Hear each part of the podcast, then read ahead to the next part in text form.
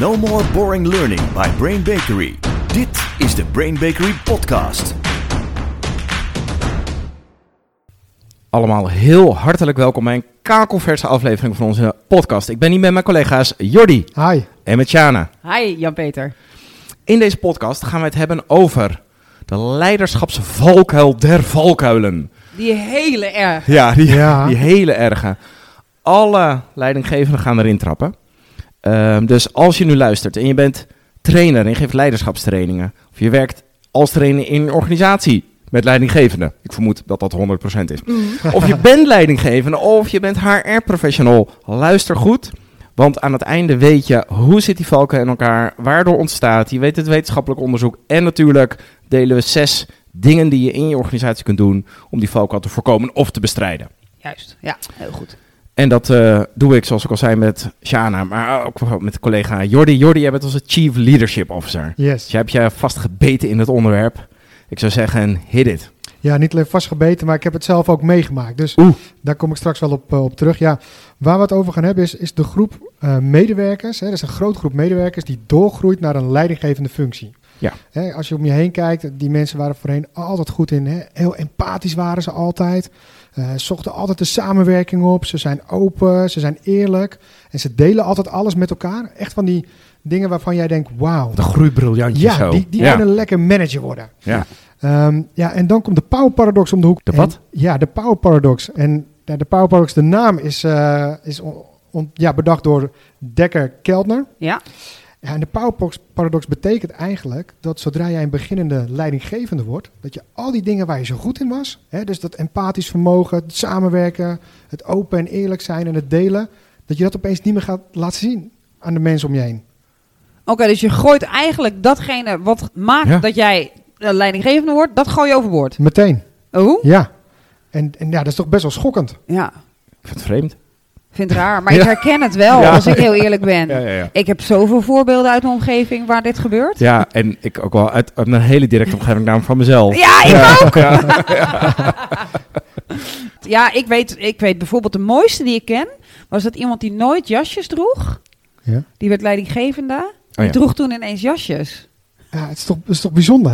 Oh, dat heb ik ook wel eens gezien. Dat iemand die kwam wat op de fiets. En die werd leidinggevende. En toen kwam hij met de auto. Maar Ja. dat veranderde dus niks aan de reisafstand of wat dan ook.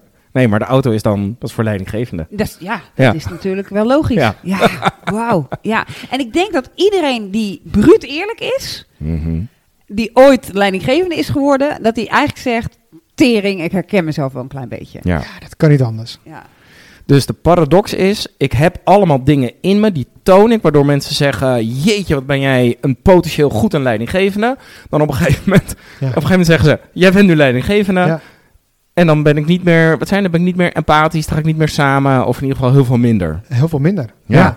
Ja, Jordi, zet die vijf nog eens even op een rijtje.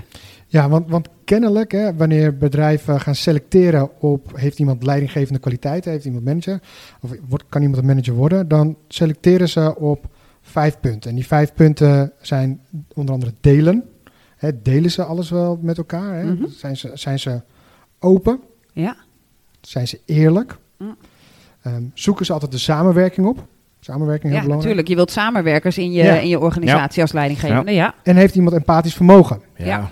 ja. emotionele intelligentie. Ja. ja. Ja, en Dekker Keltner, hè, de heer Keltner, die heeft het al in zijn onderzoek al naar voren gebracht. ja. Dus dat zijn die vijf elementen. Die selecteren of die, die zien bedrijven als in mensen. Daardoor denken ze, jij kan een goede leidinggevende worden. Ja. Ja, Dan op een gegeven moment wordt iemand leidinggevende. En er zullen ook nog andere dingen zijn, want ze zullen goed zijn in hun vak Ja. en dat soort dingen. Maar Ja. dit zijn van die intermenselijke ja, karaktereigenschappen bijna. die je nodig hebt Ja. om een team aan te sturen, om invloed uit te, te oefenen. Ja. Ja. En zodra mensen dan dus leidinggevende zijn, de macht hebben, Ja. hier een hiërarchische positie krijgen, laten ze die weer laat ze het los. enorm weer. Ja, Ik Ja. vind dat, ja, het, we zeiden net, ik vind dat, ik snap het wel, maar ik vind het toch ook schokkend. Ja. kijk, ja, ik, ik vind het natuurlijk ook ontzettend schokkend. Maar ik weet ook uit eigen ervaring dat het gebeurt. Eh, als ik dan gelijk mag beginnen met mijn eigen voorbeeld. Eh, mijn eerste leidinggevende functie, hè, waarbij ik drie grote teams aanstuurde. Ik was net beginnende manager, was binnen de mediamarkt. Eh, en op dat moment ging mijn eigen manager ging op vakantie. Oké. Mhm. En ik dacht, nou weet je, ik ben nu even de big boss. Ja. ik eh, kan, moet even laten zien hoe het moet.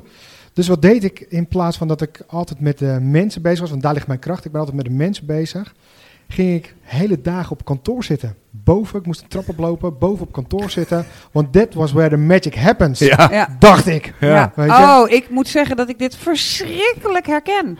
Ik, toen ik leiding... Ik was echt, even voor de record, ik was echt de allerergste leidinggevende die, ik, die je maar kunt zijn toen ik begon. Ik dacht dat, dat leidinggeven was in Excel-sheets bijhouden wat iedereen performde. En dat rapporteren naar boven vanuit Ja. het kantoor. Ja, Dat was wat ik deed. ja, Ik zag geen mensen, ik zag human resources die resultaten produceerden.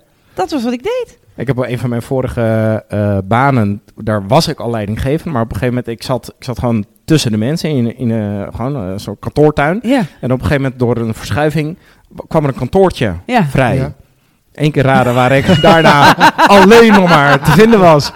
Want als de leidinggevende zit je in het kantoor. Ja, Het, is Ja. toch, het is toch bizar. Ik heb- sorry mensen. Oh, dat zeg ik tegen mensen ja. die toen in mijn team zaten. Sorry. Ja, en, en even voor, voor, voor alle mensen die nu luisteren. Er is dus aangetoond dat iedere leidinggevende, zodra die dus macht krijgt, iedereen trapt erin. Ja. Dus mochten er nog mensen zijn die zitten te luisteren en denken, oh wat erg voor jullie. Als het jou zou overkomen, zou je dit ook doen. Ja. En we moeten hier dus iets tegen doen, want je wordt dus een, een soort afschuwelijke versie Ja, van je wordt jezelf. echt niet leuk. Nee, Je, en, en allemaal omdat je denkt, zo moet het. We hebben het alle drie zelf ervaren. En dus mensen die voor ons werkten ook. ja. Excuus. Excuses. Excuus. Ja, Sorry. ik heb ook nog wel eens excuses aangeboden, maar ja. Ehm, en wat ik heel tof vind, we hebben een hele grote groep luisteraars. Die stellen heel veel vragen. Die laten heel vaak weten wat ze ervan vinden. En eh, toen met wat luisteraars spraken over dat we bezig waren met dit onderwerp. Die hebben ook, en dat vind ik echt heel stoer, die hebben zelf ook wat voorbeelden eh, ingestuurd. Vanuit hun omgeving of misschien wel vanuit hunzelf. En het Ja. eerste voorbeeld, eh Jordi, is van eh Gert-Jan Polling. Hè? ja, Gert-Jan Polling, manager bij Solis. Mijn voorbeeld gaat over een medewerker die altijd aangegeven heeft erg ambitieus te zijn. En als assistent manager in een van onze winkels werkte. Ik was op dat moment zijn regiomanager. En eigenlijk liet hij altijd het gedrag zien wat je zou verwachten van een manager. Hij coachte de medewerkers. Hij was altijd goed op de hoogte van eh, alles wat er speelde in de winkel. Hij was eh, net altijd even te vroeg op het filiaal en ging als laatste weg. Hij was al met al echt een hele prettige collega en een, eh, een hele leuke vent om mee te werken. Uiteindelijk eh, hebben we de keuze genomen, eh, of ik de keuze genomen, om hem zijn eigen winkel te geven. En hem de kans te geven om zich eh, verder te gaan ontwikkelen als store manager. En op het moment dat hij de titel store manager kreeg, veranderde zijn gedrag. En concreet betekende dat dat hij vond dat hij de vrijheid had om zijn eigen rooster te bepalen. Wat deels wel waar is. Maar dat dat ook betekende dat hij niet meer werkte of met openen of met sluiten. Maar eigenlijk altijd redelijk vrij binnenkwam. Hij werd directief in het aansturen van zijn collega's. Hij eh, had de wijsheid in pacht en eh, zo bracht hij ook eh, in al zijn communicatie. stuurde hij op die manier zijn collega's aan. En hij veranderde gewoon in een minder prettig persoon. Dus het gedrag wat hij liet zien, waarvan wij vonden dat dat eigenlijk het ideale gedrag was, wat bij een management hoorde, dat veranderde stand toen zijn titel veranderde. En ehm, ja, dat maakte hem ook geen leuker mens. Auw. Ja, Ja. deze het zeer, hè? Ja. Best wel een heftig voorbeeld. Ja. Ja. Ja, vooral dat het maakt, ook, het maakt je inderdaad gewoon geen leuker mens. Nee, nee en, en, en volgens mij niemand die leidinggevende wordt, nou ja, dat is misschien mijn optimistische natuur, maar ik denk Bijna niet, niemand. bijna niemand die leidinggevende wordt, die denkt dat ga ik doen Nee. om eh, zelf rijker te worden en meer privileges te hebben. Ik denk dat, dat bijna iedereen wel wordt ingegeven door, oh tering, dat is best wel Mm. spannend. Ja. Zeker. Laat ik het gaan doen, dan kan ik beter bijdragen of iets, iets dergelijks. In plaats van, Ik denk dat we in ieder geval Ja. deze zwaar repetitieve steekproef van drie mensen kunnen zeggen... wij hadden die intentie niet. Nee. 100% NX3, niet. ja. Nee, 100% niet. Precies. Nee, dus de interessante vraag is nu van we weten dat het er is. Ehm, we weten ook dat het ontdekt is, maar, maar hoe is dat nou ontdekt? Hè? Want we willen altijd graag het wetenschappelijke bewijs eh, Ja. ervoor eh, hebben. Dus Sjane, kun je ons meenemen in, in hoe dat ontdekt is? Ja, nou ja, er zijn heel veel onderzoeken naar gedaan, maar een van de meest interessante uit 2003 komt die. Daar heeft die uh, Keltner heel erg zich op gebaseerd. Is dat er uh, een onderzoek was, dat was echt wel fascinerend. Wat ze deden was, ze hadden een zaal vol met mensen neergezet. Uh, allemaal aan tafeltjes en ze hadden telkens drie, vier mensen om een tafeltje, soms vijf. En wat ze deden was op een gegeven ogenblik liepen ze langs de tafel en dan wezen ze at random, Mhm. wezen ze iemand aan en zeiden, nou jij bent hier even de leider. Dus er was geen aanleiding om te denken, nou ik ben de leider omdat ik virtues heb Nee. of omdat ik Nee. goed ben of ik zie er heel lekker uit. Het was gewoon, eh, jij bent hier trouwens de leider. Gewoon een beetje zo. Ja. En vervolgens kwamen er koekjes op tafel. En wat ze deden, de onderzoekers, eh, terwijl de, de deelnemers uiteraard, want dat doen psychologen altijd, eh, deden alsof het he- over iets heel anders ging. Ja. Wat ze deden was koekjes op tafel en ze gaven iedere tafel één extra koekje. Dus zaten er vier mensen aan de tafel, dan kregen ze vijf koekjes. En vervolgens gingen ze kijken naar, oké, wie eet het extra koekje op? Mm.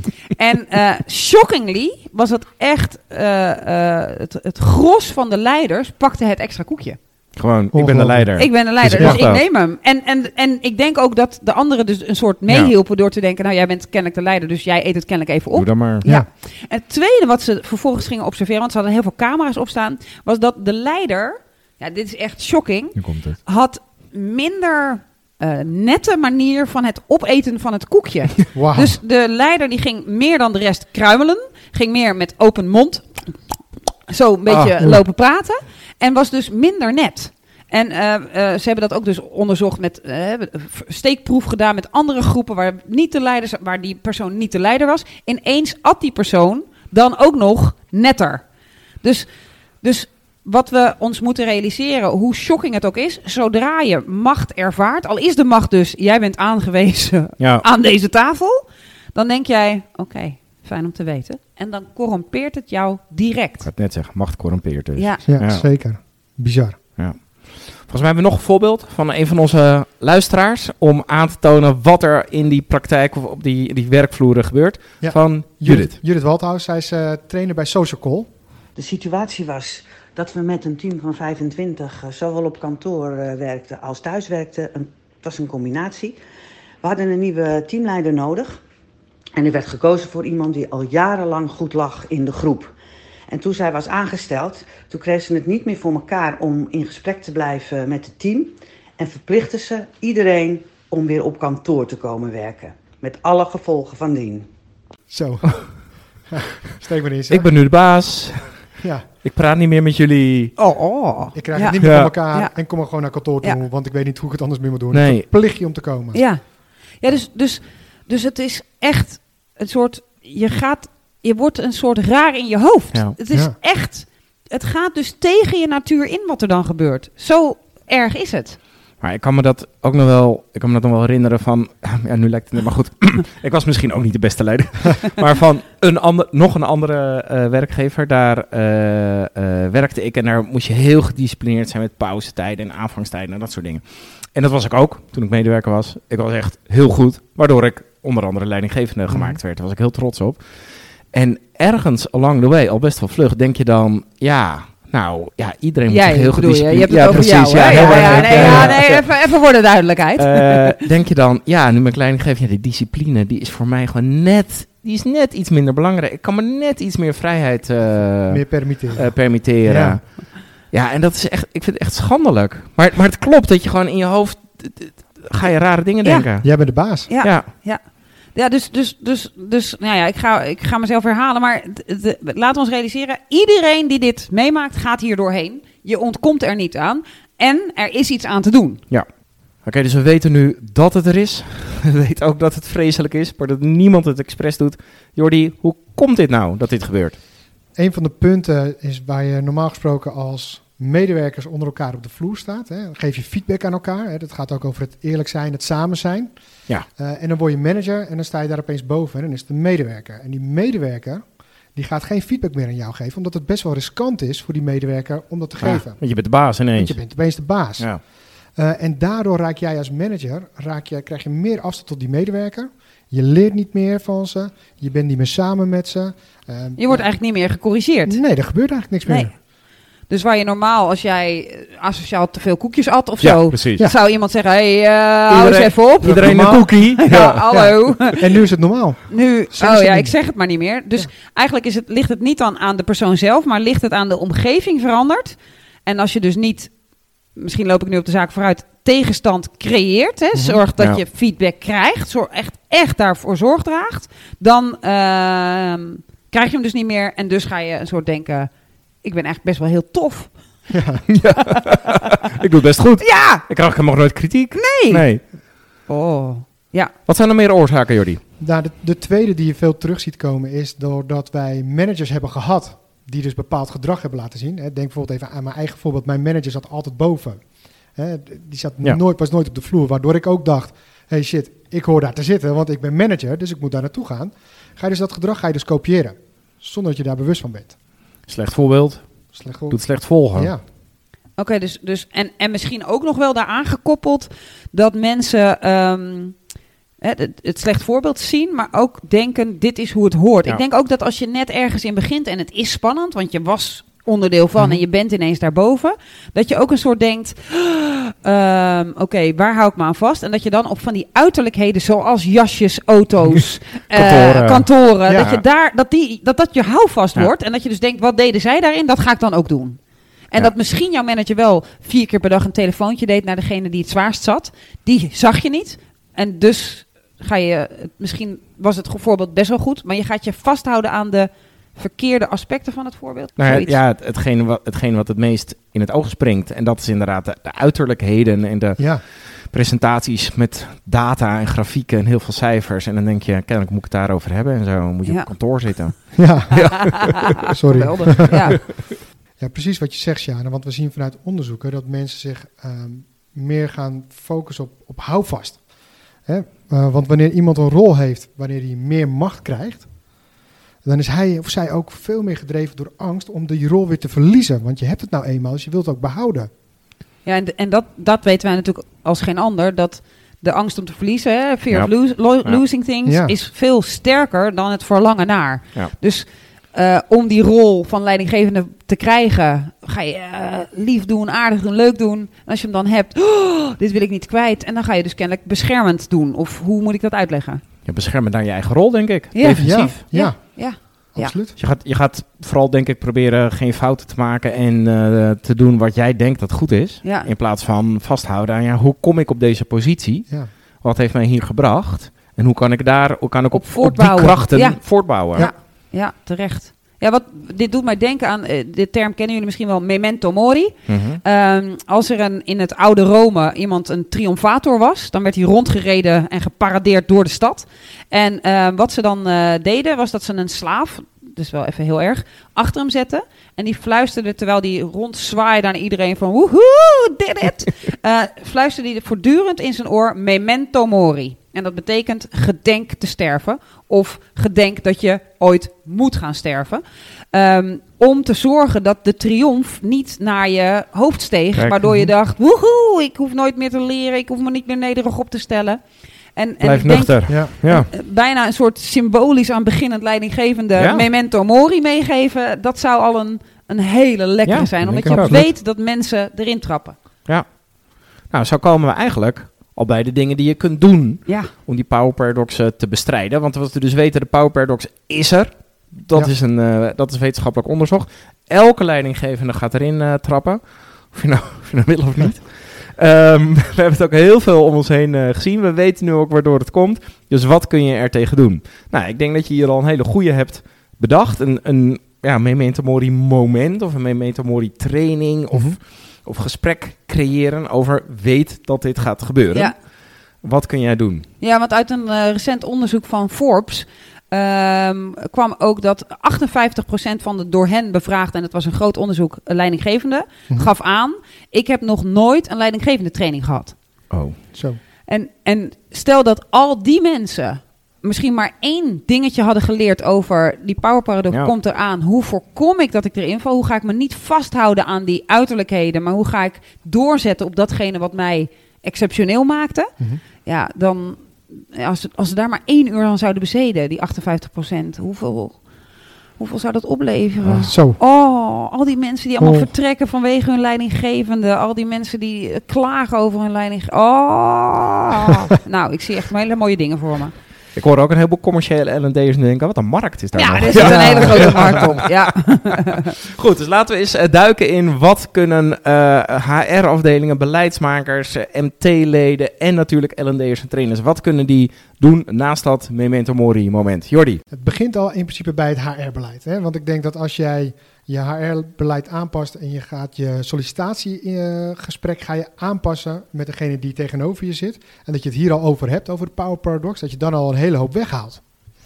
Cool. Ja, ik denk dat als je inderdaad gaat Ja. selecteren en je bent je ervan bewust dat je eh, misschien heel andere dingen gaat bekrachtigen ook in het Ja. gesprek. Van hey, we, we hebben dit gesprek met jou, eh, je bent bij ons op, op de radar gekomen vanwege dit en dit. Hoe denk je dat vast te gaan houden? Ja. Eh, zoiets. Ja, Bij, de, mooi. bij de poort al eh, dit benadrukken Ja. en hierop selecteren en hiervoor waarschuwen. Ja, maar, maar de selectie is dus niet genoeg. Nee. Want als je hem hebt, ga je hem dus Je over gaat voort het toch gooien. je Ja. gaat het toch krijgen. En Ja. dat is misschien wel een mooi bruggetje Ja. naar de volgende. Ja. Want een van de dingen die ook belangrijk is, is dat je dus de managers, die, tenminste de beginnende managers, dat je ze training hierin geeft van hoe ga ik hiermee om. Ja, Want dit gaat gebeuren, Ja. überhaupt. En als je dat dus nooit met ze bespreekt, of als je daar nooit iets, iets mee doet, ja, Ja, want ze gaan dus die houvast zoeken in die externe dingen. Ze gaan dus managertjes spelen. Het is eigenlijk gewoon bijna kindgedrag. Van nou, eh, ik heb een papa en een mama, als je dat hebt. Ja. Ja. En eh, ik pak dus Barbie en Ken. En die gaan dus nu papatje en mama. En wat doen die altijd? Nou, die zitten in de auto. Ja. Ja, en die Ruzie doen te maken over ruzie de bellen. En die zitten eh, Ja. te klagen bij elkaar van, jij zit te veel op je telefoon. Ja. Ja. En dat spelen kinderen na. En dat Ja. is eigenlijk wat we dan ook weer doen. ja. Ja. Ja, mensen zijn, zijn in die zin ook wel weer simpel, hè? Ja. Je volgt gewoon het voorbeeld van anderen. Ja. precies. Ja. Ja, en een andere die ik echt ook wel wil aanvullen is het, is het organiseren van negatieve feedback. Dus hoe kun je als leidinggevende zorgen dat je echt negatieve feedback kan krijgen? Ik weet dat ik Mhm. toen ik begon als leidinggevende doodsbang ben, was voor negatieve feedback. Ik weet dat ik het nu zelfs nog spannend vind, want ik doe heel erg mijn best om goed te zijn. Dus als ik dan iets negatiefs dreig te horen, ben, moet ik echt mezelf managen om het te willen horen. Maar ik denk dat als je als leidinggevende, als jong beginnend leidinggevende leert, oké, je vraagt aan iedereen drie punten waar ze je goed in vinden. Mhm. En je vraagt ze ook, en geef mij het cadeau, dat je me Ja. één punt geeft waarvan je denkt, dat kan beter, dat zou mij helpen als jij dat beter deed. En als je die vraag durft te stellen, en, en je zorgt dus dat managers dat altijd opvragen. Ik bedoel helemaal niet 360 graden Nee, feedback. nee. Ik bedoel gewoon echt één op één. Vraag het, desnoods in een Zoom-call. Eh, maar vraag om 3 plus, waardoor je de, de ander de ruimte geeft dat hij ook 1 min mag geven. Ja, dan, dan ga je denk ik al ontzettend helpen. Ja, en je zou, hè, want, want vaak als je algemeen feedback vraagt, dan soms krijg je niet heel veel. Dus je zou met je vragen ook naar die vijf elementen kunnen Ja. vragen. Ja. Zonder dat je misschien expliciet zegt, vind je me empathisch, vind je me open. Maar door je vraagstelling kun je ze natuurlijk wel sturen naar die Ja. thema's en die Ja. onderwerpen. En bijvoorbeeld slim zijn en dan zeggen ook eh, op welke van deze vijf Ja. vind je mij het laagst scoren? Ja. Ja. Dan weet je, dan moeten ze iets laags aangeven. Ja. O, d- Dus je helpt ze om, om te durven eh, iets negatiefs te zeggen, omdat je ze faciliteert. Als je ze vervolgens daar echter op bestraft, is het einde na. Ja, dus dat is wel even een hele belangrijke, dat dat in de training wordt meegenomen. We hebben een podcast gehad over de Buddy Bully Bos. Daar, daar, gaan we, daar gaan we die kant op. Ja, eh, bully, bully. Precies, Ja. Wat, eh, wat is er nog meer eh, te doen, eh, Jordi? Want we hebben dus nu een Memento Mori, we hebben het HR-beleid, we hebben training. Trainingen. Ja, we hebben het, het stimuleren van de negatieve feedback. Wat is er Ja. nog meer? ik denk dat je ook nog een laag dieper kan gaan. Dus dat je in gesprek bent als HR met de medewerkers op de vloer. Om eens even te kijken, joh, wat speelt er bij jullie? Wat gebeurt er? Kijk, dus daar een goed onderzoek doen. Van, Ja. iemand is net leidinggevende geworden. Niet net één dag, maar iemand is net Ja. leidinggevende Ja. geworden. Hoe gaat het hier? Wat vind je van zijn stijl van leiding geven? Eh, en ook daar weer met je vraagstelling sturen op. Is hier een power paradox gaande of niet? Ja, Ja, en dan zeg je dus eigenlijk laat HR dat doen, niet de manager zelf. nou, ik vind het voorbeeld wat Hmm. jij net gaf, vond ik, vond ik ontzettend goed. Hè? Ja. Want dan ben je als manager, stel je je heel kwetsbaar ook op. Ik denk Ja. dat het heel krachtig is. Ja. Maar ik denk dat als je als organisatie wil je ook wel weten wat er speelt. En ik denk ook dat als ik als manager weet, hey, die gesprekken vinden plaats. Stimuleert ook dat alweer. mij dat Ja. ook stimuleert over, oh, ik vind het belangrijk. Dus Ja. dat zij vinden dat zo belangrijk, zij gaan er vragen over stellen. Ja. Laat ik dat vooral blijven zien. Het is een beetje een stok achter de deur, maar ik denk dat die wel kan werken. Ja. Ik wil er nog wel eentje aan, eh, aan toevoegen. Ja. Ehm, de meeste bedrijven hebben natuurlijk nog de beoordelingsgesprekken. Een Ja. belangrijk instrument om, eh, om de thermometer ook in je organisatie te hebben van hoe gaat het met iedereen, voelt iedereen zich fijn en ook doen mijn leidinggevenden hun werk goed. Ja. En ik denk dat je als HR-afdeling, tenminste, ik denk dat de meeste HR-afdelingen dit organiseren, ehm, dat je moet dit thema elk, in elk gesprek terug laten komen. Je moet, je moet het hebben over wat heeft jou hier gebracht als leidinggever, hoe goed zorg je voor je mensen. Ik zou gewoon de Power Paradox echt op, op je formulier zetten. Eh, want dit, dit, dit, als je dit niet bewust maakt, bewustwording is iets dat maar continu bezig moet blijven. Ehm, Zou je, daar- zou je zelfs kunnen vragen van, eh, bedoel jij bijna van eh, op papier zetten, eh, in hoeverre herken jij dat jij soms Ja. in de power paradox valt? Bedoel Ja. je dat? Ja, Ja, dat vind ik wel een Dat hele wel coole. heel Ja, mooi, ja, laat ze ook zichzelf maar beoordelen erop. ja, Hier zie je die vijf elementen. ja, Waar doe je het best op? Zo, ja, Maar misschien niet. ja. gaaf. I like it. Ja, absoluut. En Jordi, de laatste. Wat, wat je ook kan doen, hè, is dat je dus intervisie kan doen tussen de managers onderling. Hè. Zet ze eventjes neer bij elkaar, laat ze even met elkaar bespreken. Hoe gaat het bij jou, hoe gaat het bij mij? Wat zie ik van jou terug? Eh, en wat zie ik vooral niet terug? Dus dat, je met ze, eh, dat ze met elkaar in gesprek blijven gaan. Dat is ook wat veiliger voor ze, denk ik. Eh, in plaats van dat je heel kwetsbaar opstelt naar je, naar je medewerkers toe. Vanuit HR iemand mee komt kijken. Dus gewoon lekker onderling met elkaar hierover praten. Wel goed, want je voedt ze ook gelijk op met... het is best wel normaal om als leidinggevende onderling open... en dus ook kritisch naar elkaar te Zeker zijn. weten. Ja, dus je creëert een enorme feedback- en leercultuur mee. Ja. Absoluut. Heel goed, dus dan hebben we het memento mori, we hebben het HR-beleid... we hebben de training, we hebben de gesprekken met de medewerkers... eh, het meenemen in de beoordelingscyclus Ja. en de intervisie. Ja, dit zijn overduidelijk geen dingetjes die je morgen even toepast. Dit is, dit is beleid, dit zijn structurele aanpassingen. Hier moet je misschien even over nadenken. Maar ja, hiermee ga je die power paradox wel te vuur en te zwaard te lijf. Juist. Zeker weten. Lieve luisteraars, dit was onze podcast over de power paradox. Hij is er. Ontken hem niet. Help je nieuwe leidinggevenden om, hem, om er zo min mogelijk in te trappen. Ik denk dat ik me dan zo goed mogelijk uitdruk. Ja. Om er zo goed mo- min mogelijk in te trappen. Maar het is heel menselijk om het te doen. Wij hebben ze ook ervaren. Wij zijn er ook ingetrapt. Sjane, dankjewel. Yes. Jordi, mag ik jou ook bedanken. Graag gedaan. Dankjewel. En voor iedereen die geluisterd heeft, heel graag tot de volgende keer. No more boring learning. Dit was de Brain Bakery podcast. Wil je meer weten? Kijk dan op brainbakery.com of volg ons op onze socials.